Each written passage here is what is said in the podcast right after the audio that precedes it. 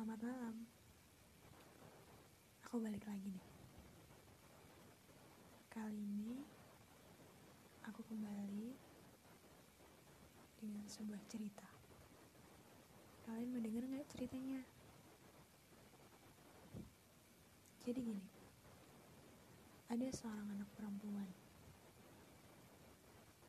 yang dituntut untuk menjadi dewasa, di mana seharusnya di umurnya yang masih muda ini, ia menghabiskan waktunya untuk belajar, bermain,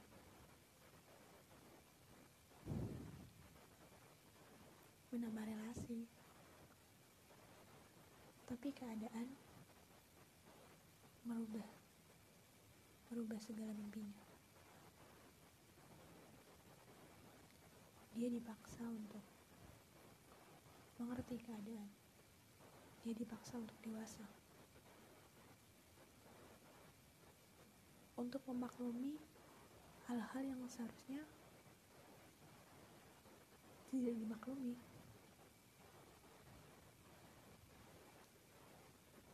Anak perempuan ini selalu menangis setiap malam. Antara dia menerima atau tidak. Antara dan sedih ketika melihat teman-teman yang lain. Dia tidak seperti mereka. Dia jauh. Dia tertinggal. Dia hampir gila. Mungkin tidak tergila, tapi dia terpuruk. Dia terpuruk. Dia tidak punya teman, tidak punya teman cerita. Dia hanya menunjukkan senyuman, senyuman kepada dunia, kepada orang-orang di sekitarnya, kepada orang tuanya. Tanpa dia sadari bahwa sebenarnya dia sedang membohongi diri sendiri dia bohong kalau dia itu baik-baik saja. Anak perempuan ini ingin berontak.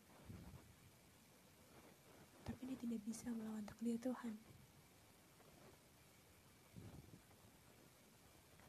Kadang, ketika anak perempuan ini pulang bekerja, lantas melihat isi rumahnya yang ternyata tidak senyaman dulu. Rumah yang dia tinggali bukan lagi rumah masa kecilnya. Rumah yang dia tinggali seperti peluru. Peluru yang menghujam isi kepalanya. Kepalanya hampir sakit karena memikirkan semua itu. Tapi dia tetap bertahan sampai saat ini.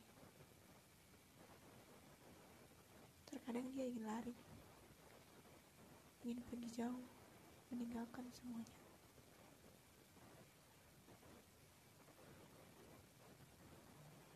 Tapi ada satu hati yang harus dia dia jaga.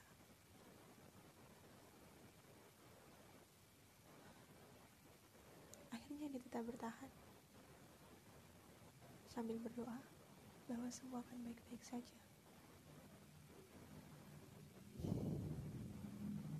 Sambil berkata pada hatinya, Tak apa, kamu pasti bisa. Dia jatuh, bangkit, jatuh, bangkit.